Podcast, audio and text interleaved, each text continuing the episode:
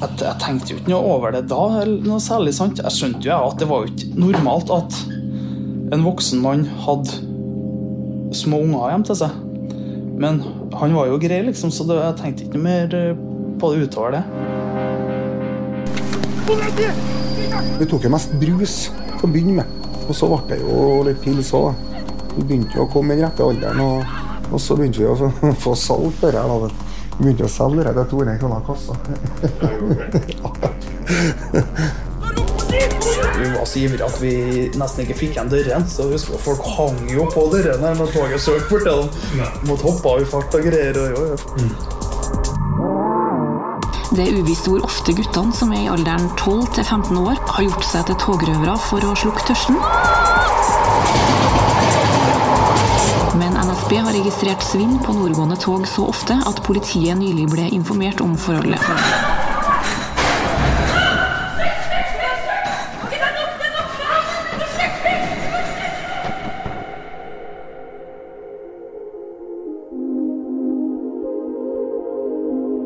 Når guttene i Ranheimsgjengen ikke plyndra tog, så brukte de å henge en helt spesiell plass. Men, men også en plass vi var veldig mye. da.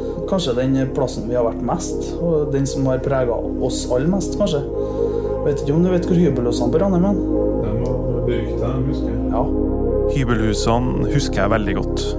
Det var et boligkompleks med en god blanding av sosialklienter, rusmisbrukere og psykiatri. Jeg går. Tørste? Jeg tør ikke, men faen. Men jeg og kompisene mine vi dro aldri dit. Det var rett og slett altfor skummelt. Så vi fikk jo beskjed om at der skulle vi ikke gå. For der eh, gikk jo rykter om at det var noe funnet lik og forskjellig. Og, ja. Men vi, vi gjorde jo alle det vi fikk beskjed om hjemme, så da ble det jo ble det en hengplass. Og, og før så var, det, var det sånn eh, stort sånn friområde rundt. Det var ikke noe hus som lå inntil der. Så det lå liksom sånn for seg sjøl, med sånn ja, åpne områder rundt.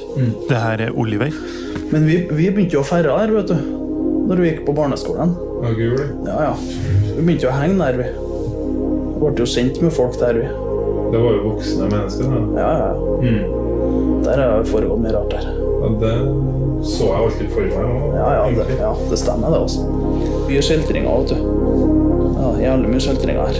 Vi, var, vi ble, jo, ble jo kjent med flere der, vi. Voksne folk, da. Voksne folk, ja. Husker jeg, en av de første gangene var det, da var jeg var det rundt ti år da òg. Fikk vi en, en av som bodde nedpå her til å kjøpe røyk til oss, husker jeg. Så da hadde vi nå en, en, en kontakt på alt vi ville ha, skal jeg si. Men så var det spesielt én voksen mann på hybelhusene som guttegjengen var mye sammen med. Hjem til han var døra alltid åpen. Der var det fritt, de kunne gjøre hva de ville. Og den gangen faren til Thomas låste igjen ytterdøra da han kom hjem for seint, kunne alltid dra til han mannen her på hybelhusene. Ja. Men han var jo en ja, Jeg tror han var en pedofil eh, faen. Nei, hva skal jeg fortelle om han? eh? Det her er Thomas. Han beskriver tida da de hang på hybelhusene som en flott tid.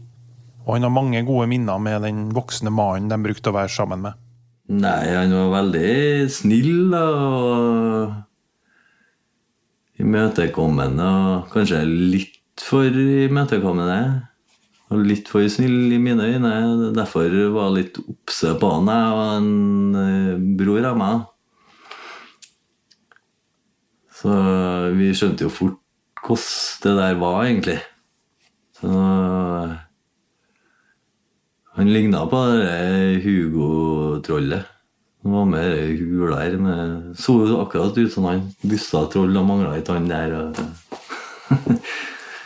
Nei, han var veldig real og snill og tok oss inn og gitt oss mat. Og for han syntes litt synd på oss pga. oppveksten vår, kanskje. og Litt sånn, da. Så Satt vi og spilte rollespill med han og var veldig flink til å å male sånne Shogun-figurer og orker og sånt, malt sånne ting for hånd. Faktisk flere tusen eh, sånne figurer. Som vi satt og spilte et spill som het Shogun. da. Som tok eh, kanskje et par-tre dager. Da hadde han tegna hele Japan på et kart. Ja. Istedenfor det lille plata som var med i spillet. Så vi fikk hele spekteret av eh, Japan og sånn. Det var mye der, da. Ja, veldig mye. Og han fikk, fikk jo lov til å være til, og kom til når hun ville, så han var vi jo hjem til, vi. Hele tida. Oliver var bare ti år første gangen han ble med hjem til den voksne mannen på hybelhusene. Det. Han frista med videospill, ninjafilmer, pizza og brus. Den knøttlille kommunale leiligheten hans på knappe ti kvadratmeter ble etter hvert en boltreplass for Oliver og flere av guttene i Ranheimsgjengen. Har du to Nei, hva betyr det to? Åh, urettferdig. Det er jo litt artig. Det her er Oliver. Jeg, tror- jeg tror det var i, i løpet av femteklassen. jeg. Jeg, gikk jo barneskolen, sant. Siste året på barneskolen var sjetteklassen. Så sjuende, åttende og niende på ungdomsskolen. Så de to siste årene av barneskolen så brukte vi å være hjem til han også. Han var jo en gammel mann. Altså, vi trodde jo ikke det sjøl, men han var jo en veldig gammel mann. Han var glad i ung- ung- unger og ungdom. og Det var litt spesielt. Det her er Roy, lillebroren til Thomas. Roy har bestandig vært en veldig sosial type som lett kommer i kontakt med andre folk. Det var Roy som først kom i prat med mannen fra hybelhusene. Eh, Men han var veldig glad i oss, da. Så vi, eh, vi brukte jo når vi skulka skole, for eksempel, så var vi jo jentene og spilte eh, PlayStation. og og eh, han ordna mat, og, og eh, var det noe PlayStation-spill vi hadde lyst på, så får han jo kjøpt det. Så det var veldig spesielt. Og, og Thomas og gjengen der de brukte å være en del der, for de kunne jo sitte der og trekke litt hasj. og sånt, ja, Det var ikke noe, noe problem for så lenge de var der. Og han eh, var jo veldig glad i å trene kampsport, så vi brukte jo Han engasjerte seg veldig rundt oss i, i forhold til det. da. Du fikk ligge der og Her hører dere Thomas. Så vi lærte oss litt kampsport av han. da. Husker jeg bygde en sånn svær sånn taubane, og, og så var det en svær skog over der. Der brukte vi, hadde vi ordna tau oppi hvert et tre. vi. Og for å leke med sånn ninjadrakter og kriga med tresverd og sånne ting. da. Det var litt artig. Han hadde oss med ut i skogen og greier med fullt ninjautstyr og mm, våpen og opplegg. vet du. Og det her er Oliver. Ja, ja. Og vi fikk jo låne ninja, ninjakker og stjerner og sverd og alt, så vi for rundt med på Ranheim. sant? det var ikke bare bare å komme ut for oss da, skal jeg si. Jo, vi brukte å feste. Han kjøpte noen, han drakk jo ikke. Her er Thomas igjen. Han kjøpte jo inn polvarer, og sånt, så vi fikk å være der. liksom sånn ungdomsklubb. Det er nesten. Men det var jo litt Det var litt sånn Hva skal jeg si? Det var mange som ikke torde å komme dit pga. at de fant ut at han var sånn der. da. Det er først i voksen alder at Oliver har reflektert over det som skjedde på hybelhusene på midten av 90-tallet. Jeg, jeg tenkte jo ikke noe over det da, noe særlig sant. Jeg skjønte jo at det var jo ikke normalt at en voksen mann hadde små unger hjem til seg. Men han var jo grei, liksom, så det, jeg tenkte ikke mer eh, på det utover det. Så jeg husker jeg ble jo råsur og krangla med mora og faren min for at jeg ikke fikk lov til å dra dit. Men jeg har jo skjønt i ettertid at uh, det der uh, er jo ikke bra på noen måte. Sant? Og vi fylte jo opp kåken der både med drikkevarer og folk på vår alder. da. På den tida her så er Oliver 13 år gammel. Og de andre ungdommene som de tar med seg, er mellom 12 og 15. Og da dro hun gjerne med oss andre folk på vår alder som kom både her og derifra. Og der eh, drakk vi jo og var så lenge vi ville, gjorde hva vi ville. Om det var helg og det var fest, eller om vi skulle sitte og planlegge eh, noe vi skulle gjøre. Og vi brukte det der som et eh, klubbhus, gjorde vi. Vi var der bare og hang sant, på dagtid på, i ukedagene. I helgen så var det festing. Og det var lagringsplass. så Vi hadde skyvgods uh, igjen der. Så det var en sånn friarena for oss, på en måte. Og i og med at det var hjem til en voksen person, så ja, det var ingen andre som hadde voksne personer som hadde innsikt i hva som foregikk der, på en måte. Så vi jo holde, kunne holde på med hva vi ville. Det var ingen som satte ned foten der. Men gjorde han noe fremstøt på dere? da? Nei, sånn som, sånn som meg. Aldri, aldri en ting. Ingenting. Men jeg merka jo at den- det var, det var jo tilnærmelser. Nei, det var vel det at vi var såpass mange der hver gang vi var her. Var aldri alene, nei. Sånn som jeg var aldri alene. Andre bro, broren min var her heller ikke alene. Vi for bestandig, så vi var tre-fire stykker sammen der. Men um, vet du om han hadde eh, gjort noe mot noen andre? Ja, det tror jeg han har gjort det. Eller jeg vet at han har gjort det. Hvordan da? Har du Nei, jeg har sagt det sjøl. Jeg kjenner han fyren her. Nei, han har iallfall grepet seg på han mens han sov, tror jeg. Og bare tok på han og sånn. Faktisk. Han fikk, jo, han fikk jo komme dit alene, og da fikk ikke vi komme dit, vi. Og da skjønte vi jo litt uh, greia. For han ble jo veldig rar, han jeg kjenner. Etter han hadde vært der. Så skjønte du at noe sånt hadde skjedd. Hører vi. Så han er, uh, han er død den dag i dag, da. Så han ringte meg og sa endelig er han død, han derre sykingen. ringte meg og sa. Men eh, sånne, sånne ting Jeg hater sånne ting, da. Det er ikke noe sånn som får gå i fred for meg, nei. Husk på, i fengsel og sånn, så tar de sånne. De har vært med og tatt sånne sjøl i fengselet. Det er ikke noe artig, i hvert fall ikke noe man har egne barn.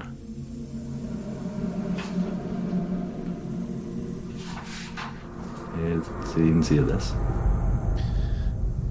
I perioder så var enkelte av guttene i Ranheimsgjengen hjemme hos den pedofile mannen fra hybelhusene hver dag. Og det ble etter hvert klart for guttene hva slags person han egentlig var. Oliver forteller om to kompiser fra en annen del av byen som ble observert hjemme hos den pedofile. Og jeg jeg husker jeg, jeg passa alltid på da, å ikke være der alene med han. Sjøl om det hendte jo seg at det ble sånn. sant? Så nei, det, det skjedde nå ingenting med verken meg eller Thomas. sant? Men eh, jeg vet jo det, det var noen eh, gutter som brukte å komme ned på Ranheim og være til fra Eberg. Så hadde de sittet uten klær på, eller i trusa. Og, men greia var jo, forklaringa var jo den at de fikk jo det var vinter, de fikk jo ikke lov til å komme, hjem, komme inn hjem til seg sjøl. Som hadde dratt dit, da, var klisplet, Og ja, klærne med sang på ovnen, liksom. sant? Og, og en av dem har, han har jo kommet i ettertid og sagt og fortalt at han har vært i rettssaker og sånn. Og jeg husker jo en gang jeg kom dit, så satt en av de guttene der nesten uten klær på senga hans. Det husker jeg veldig godt.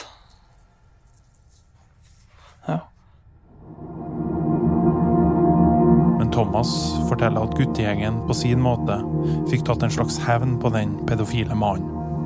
Så han ble jo tatt, han der, da. For det, den saken hans hadde rulla lenge, tror jeg. Så hadde de funnet ut det der, da. Så ble han fengsla. Så vi hadde nok kåken fordi vi, lenge etterpå. Så vi husker jeg vi solgte alle tingene hans. ja. ja, han satt i fengsel, han. For sånn innse... Nei, sånn, sånn pedofili-greier. Da, da vi var der når politiet kom og henta han. Så vi var der. Så da hadde vi jo nøkkelen alt. Da hadde brukt den og så fisk og lenge etterpå. Solgte alle tingene hennes. Det gjør vi faktisk. Det var nå ei tid, det òg.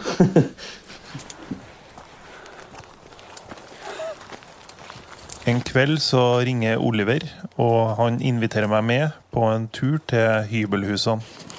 Hører du meg? Hører jeg bra? ja. Sånn her har det skjedd ut bestandig. Eneste forskjellen var at det var en sånn rød telefonkiosk her. Er det lenge siden du har vært her, eller? Ja, det er en god del år siden. Jeg bodde jo rett eh, bakom her nå, kan du si. Nå er de jo døpt om til Grilstad Idyll. Selger de leiligheter, vet du. Men midt oppi disse familieleilighetene så har du jo blokker som var akkurat sånn som de var før, med gamle sosialklienter. Så det er ganske spesielt. Jeg tror nesten vi må klatre over her, Martin. Det går bra, det. Plutselig begynner Oliver å klatre over gjerdet som går mellom hybelhusene og ned mot jernbanen. Og jeg følger etter. Det er noe fint nede på jernbanen her ute. Ser du måneskinnet i jernbanen? og- Se her, eh, denne plassen her brukte vi jo til alt mulig rart. Hadde med oss forskjellige ting nedpå her og som vi ødela greier og herja med og Sprengte ting og brettet opp pengeskrin. og Se for deg vi ligger på Så hører du toget lenge før det kommer. vet. Se for deg vi ligger på huk her, så bare hører du toget lenge før du ser det. Så bare siger det inn her. Dum, dum, dum. Dere var ikke nervøse for at det plutselig en dag så var det slutt? Nei, tenkte ikke på det da. vet. Det er også må gå på butikken og stjele godteri. det vet du. Hvis du driver med det, så får du nå gjøre det. Og vet jeg at faren for å bli tatt er, men det gikk jo bra forrige gang, så hvorfor skal det ikke gå bra nå, liksom? Rart å være her igjen. Lenge siden nå, ja. ja. Og det var noen ganger toget begynte å gå, sant? og vi ikke rakk å få igjen dørene. Folk, jeg husker folk hang jo på bortigjennom og prøvde å få igjen dørene. sant? Tar ikke seg særlig ut. da. Toget kommer frem, og så er dørene opp. De måtte jo ha merka det. Ja, de hadde, de hadde jo registrert svinn eh, på nordgående tog, står det i avholdsartikkelen, en god periode. Men de var jo, det var greia at de var usikre på, på hvor det skjedde. vet du. De mistenkte jo først folk på, ja, på terminalen, da. Gjorde de. Og vi var sikre på at de hadde med det å gjøre. Så ja, Og de holdt på å miste kontraktene med EC Dahl. Ja, det, det har vært katastrofe. det. Jeg husker de liksom skulle prøve å få oss til å forstå alvoret i det her. da, Hvis de kontraktene røyk, husker jeg de drev og masa noe fryktelig om. Jeg skjønner jo hva jeg mener, sant? men vi Ja, ja, sant. Ja, vi skjønner, OK. Det var liksom ikke så Ja vel, skjønner jo hva jeg sier. Ja, nå kommer det tog der. Skal vi gå opp her da, Martin? Ja. Vi kan vente litt. Vi må, vi må høre den pipinga. Hører jeg nå? Ja, vi springer bare opp, vi. Må gjøre det som vi brukte å gjøre, Martin. Så artig. Her her kan jeg sitte en hel dag og bare hørt på, sitte og vente på ja.